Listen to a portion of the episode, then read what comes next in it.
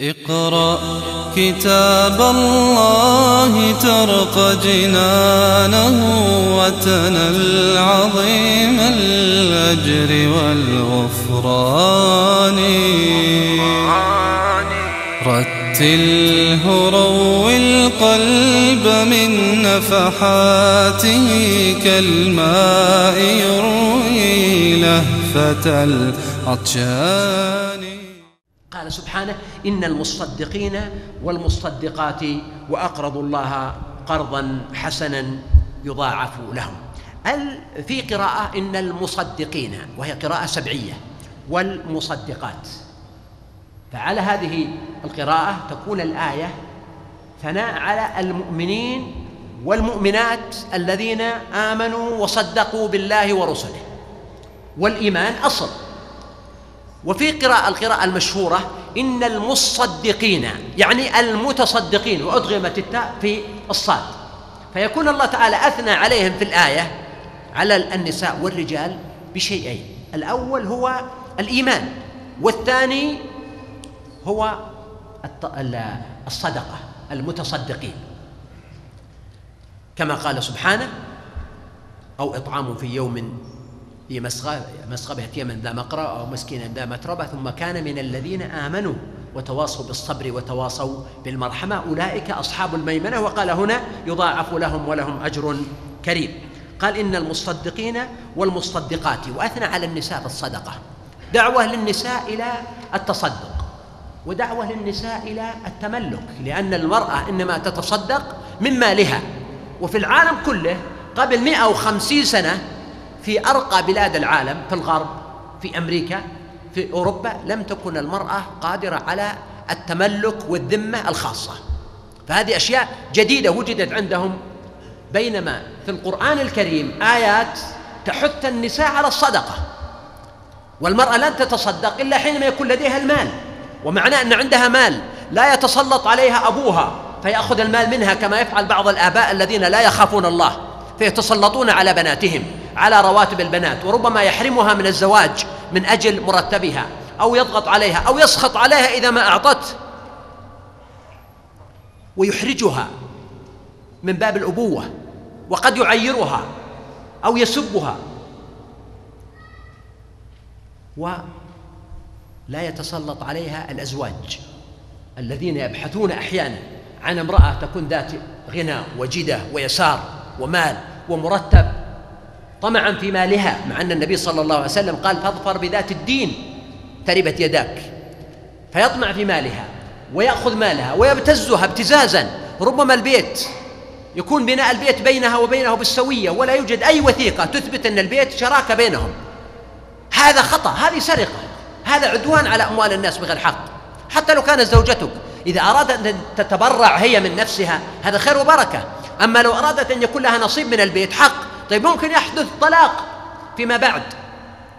يمكن يحدث مشاكل بينك وبينها فينبغي أن تكون الحقوق محفوظة كما قال الله سبحانه إذا تداينتم بدين إلى أجل مسمى فاكتبوه. يكون هناك توثيق.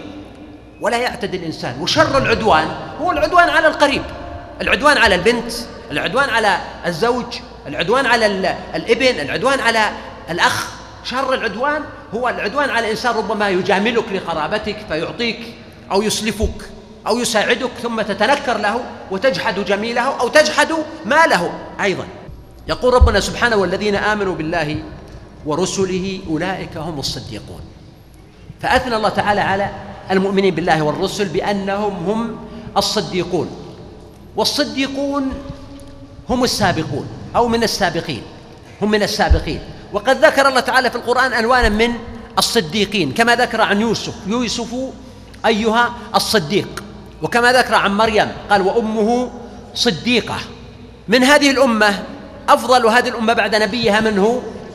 أبو بكر الصديق رضي الله عنه. ولو وزن إيمانه بوزن آه، الأمة لا وزنها ورجح بها. فالصديقية هنا ماذا تعني؟ كيف يكون الإنسان صديقا؟ هل هذا معجزة؟ هل هو شيء مستحيل؟ هل هم فقط أفراد قلائل الله يختارهم ولا حيلة لأحد في المحاولة؟ ابدا. الأمر متاح وحينما جعل الله الدرجات الإيمان والإحسان والإسلام وما سبق أيضا فهذا كله تحفيز للناس أن كل واحد يحاول يرتقي أو يصل إلى رتبة أو يتفوق فيها على الأقل. إذا لم تستطع أن ترتقي إلى رتبة أفضل منها على الأقل تكون من المبرزين والمتفوقين في الرتبة التي أنت فيها. الصديقية هنا تعني أولا سرعة التصديق. ولذلك أبو بكر رضي الله عنه لماذا سمي الصديق؟ لأنه صدق الرسول صلى الله عليه وسلم لأنه أول من صدق وأسرع من صدق. ولم يقل له في شيء إلا قال صدق صدق. فكان هو سابق هذه الأمة فهو من السابقين وهو الصديق رضي الله عنه والذي جاء بالصدق وصدق به فهو الصديق سرعة التصديق. ما من أحد إلا ووقع له تردد أو عثرة إلا أبو بكر رضي الله عنه. بمجرد ما دعاه النبي صلى الله عليه وسلم قال له صدقت فسمي الصديق. إذا من الصديقية سرعة التصديق. التصديق بماذا؟ التصديق بكلام الله سبحانه وتعالى. التصديق بالوحي. التصديق بثوابت الشريعة. لكن حذاري أن يفهم أحد أنه والله التصديق هنا أن يكون عقل الإنسان أو قلبه قابلا لأن يصدق كل خبر حتى لو كان هذا الخبر ليس صحيحا بمجرد أن هذا الخبر فيه نوع من الوعظ أو نوع من ترقيق القلب. فقد يذكر لك إنسان قصة حدثت فيها عبرة وفيها عقاب لشخص القصة هذه لا يوجد دليل عليها. فليس مطلوبا من الإنسان أن يصدق بها ولا يتسرع ولا يكون عقله مستقرا للخرافات والأقاويل والترهات وإنما يصدق بما هو متعبد بالتصديق به من قول الله سبحانه وتعالى وقول رسوله عليه الصلاة والسلام الثابت بالإسناد الصحيح. أما ما وراء ذلك فالإنسان ينبغي أن يكون عنده فرز وعنده عقل وعنده نظر وتدبر وفي أشياء كثيرة الإنسان ليس ملزما أن يصدق ولا يكذب وإنما موقفه ماذا؟ يسمع. يسمع. ترى هذا من الحكمة. ولذلك النبي صلى الله عليه وسلم قال حدثوا عن بني إسرائيل ولا حرج. وقال صلى الله عليه وسلم لا تصدقوا بني إسرائيل ولا تكذبوهم. فإذا سمعت شيء أنت متردد فيه ليس بلازم أن تصدقه أو تمتحن الناس به أو أنك تكذبه وترده إذا كان الأمر يحتمل. وإنما يكون عند الإنسان سكوت وصمت. وربما بعد فترة يزداد علمك أو تزداد بصيرتك أو تأتي أدلة تصدق هذا الخبر أو أدلة تكذبه. أيضا من معاني الصديقية الصديق أن يكون صادقا. الأول أن يكون مصدقا الثاني أن يكون صادقا. يا أيها الذين آمنوا اتقوا الله وكونوا مع الصادقين. فلو صدقوا الله لكان خيرا لهم. الصدق هنا خلق عظيم. طبعا يشمل الصدق بالكلام إن الإنسان لا يكذب مهما كلفه الأمر. ولكن أيضا يشمل يعني الصدق بالأقوال. الصدق بالاقوال الا نتحول إلى ممثلين. الإنسان يتقمص شخصية غير شخصيته يتظاهر بشيء ليس له البساطة العفوية السهولة الوضوح مع النفس ومع الآخرين. ولذلك تجد بعض الناس في بيته له شخصية عند زوجته وأولاده أسد هصور وغضوب ومنفعل ولا أحد يتكلم بحضرته. وعند الأصدقاء أبدا. مثل العسل المصفى أو الماء النمير أو الريح الرخاء. إذا ذهب مع أصدقائه هو الذي يطبخ وهو الذي يقود السيارة وهو الذي يفرش البسط وهو الذي يقيم الخيام. وإذا كانوا في سفر تجد أنه هو الذي يحجز التذاكر ويحجز في الفنادق ويرتب الأمور. فهو إنسان غاية الروعة. إذا سألت أصدقائه عنه أعطوك صورة. وإذا سألت زوجته عنه أو اولاده أعطوك صورة مختلفة. هذا لا لا يتناسب مع الصدق في الأقوال. أن أن تكون الأفعال الأفعال الصدق في الأفعال أن تكون الأفعال معبرة عن شخصيتك. أكثر الناس لا يخلون من تكلف وتصنع ومجاملة للآخرين. الصديقية تقتضي أن يكون الإنسان على عفويته يحاول أن لا يتكلف شيئا. وعمله عند الناس في الملأ وفي الخلأ واحد. أيضا من أعظم ألوان الصدق الصدق في القلب صفاء القلب. صفاء النية حسن المقصد إرادة وجه الله تعالى والدار الآخرة أن يسلم الإنسان في داخله من الغل والحقد والحسد على الناس بل يفرح لهم. ما, ما في شيء من جيبك. هذا رزق بزوجة وهذا رزق بولد وهذا بيت وهذا ترقية وهذا وظيفة وهذا دنيا. افرح لهم جميعا. وادعو لهم. وعود نفسك إنك لا تسمع بخبر عن أحد من الناس إلا أظهرت الفرح ودعوت له بخير. وهنا حتى لو تكلف الإنسان ما في مانع في البداية لأنه يتكلف خير وفضل والحلم بالتحلم والعلم بالتعلم والصبر بالتصبر. ويدعو للناس بخير حتى في سجودك. لا تستثني أحدا. ادعو في كل سجدة لنفسك ووالديك وزوجك وذريتك والمسلمين والمسلمات والمؤمنين والمؤمنات وتخيلهم من أول التاريخ إلى آخر مؤمن على ظهر الأرض. تخيلهم إنك تدعو لهم جميعا. فصفاء القلب وصدق النية هذا من الصديقية. الفعل وصدق الفعل وتعبيره عن نفسك هذا من الصديقية. القول بأن يحاول الإنسان الا يكذب ولا يقول إلا حقا هذا أيضا من الصديقية.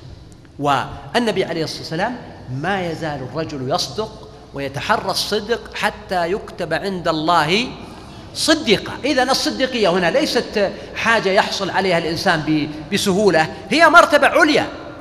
لكن لو لم تحصل لك إلا في السنة الأخيرة من عمرك هذا خير وبركة. ولا تقلق من ذنوب أو أخطاء موجودة عندك أن تعارض الصديقية لأنه إذا الله كتب لك خير واستمر العطاء عندك والمجاهدة هذه الذنوب سوف تمحي وتزول. وتحل محلها أعمال صالحة فأولئك يبدل الله سيئاتهم حسنات ولو بقي منها شيء فرحمة أرحم الراحمين تسعها. قال أولئك هم الصديقون. والشهداء وصفهم بصفة أخرى هم صديقون وهم شهداء عند ربهم. لتكونوا شهداء على الناس. إذن مؤمنو هذه الأمة مثل شهداء الأمم السابقة. فهذا من معاني الآية الكريمة. أولئك هم الصديقون والشهداء. فهم بمنزلة الشهداء عند الله عز وجل حتى لو ماتوا على فرشهم. هذا من معاني الآية الكريمة. قال أولئك هم الصديقون والشهداء عند ربهم. لهم أجرهم ونورهم. لهم أجر الصديقية ولهم النور الذي يسعى بين أيديهم وبأيمانهم. وتحتمل الآية معنى آخر وهو قوله سبحانه أولئك هم الصديقون. هنا انقطع الكلام واستأنف فقال والشهداء عند ربهم لهم أجرهم ونورهم. فيكون ذلك معنى جديد أن الله تعالى أخبر أن بعدما تكلم عن الشهداء بعدما تكلم عن المؤمنين والصديقين تكلم عن الشهداء. فقال الشهداء الذين بذلوا أرواحهم في سبيل الله وقتلوا في سبيل الله لهم أجرهم ونورهم وأجرهم أجر عظيم. وقد ورد في الحديث الصحيح أجر الشهيد وأنه له سبع خصال وأن في الجنة مئة درجة.